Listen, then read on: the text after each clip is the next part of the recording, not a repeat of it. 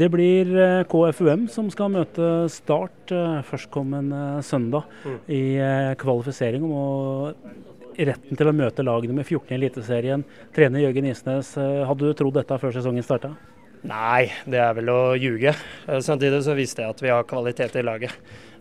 Så er det lite som skiller i norsk fotball nå, så kommer man i flytsonen og jobber godt. Så det er det muligheter. Eh, så det snakka vi om eh, før sesongen også, at vi, vi kan eh, faktisk få kvalik.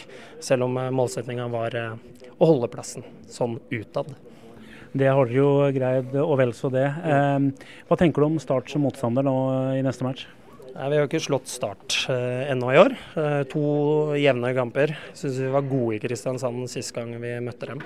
Eh, så vi hadde ikke slått Kongsvinger før vi møtte dem i dag, så vi får gjøre det samme i, i, i Kristiansand. Vi er i angrepsposisjon. Eh, Start føler nok at de har noe å forsvare, i og med at de hadde ønske om direkte opprykk.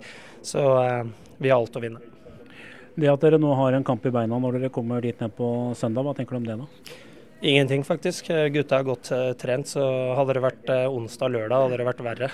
Nå er det onsdag-søndag, så det må gå fire dager, det er nok å restituere seg på? Ja, ja, ja. De, de gutta her trener hardt midt i uka, så det skulle bare mangle. Selv om det er en lang sesong, så, så ser ikke jeg det som noe, som noe minus.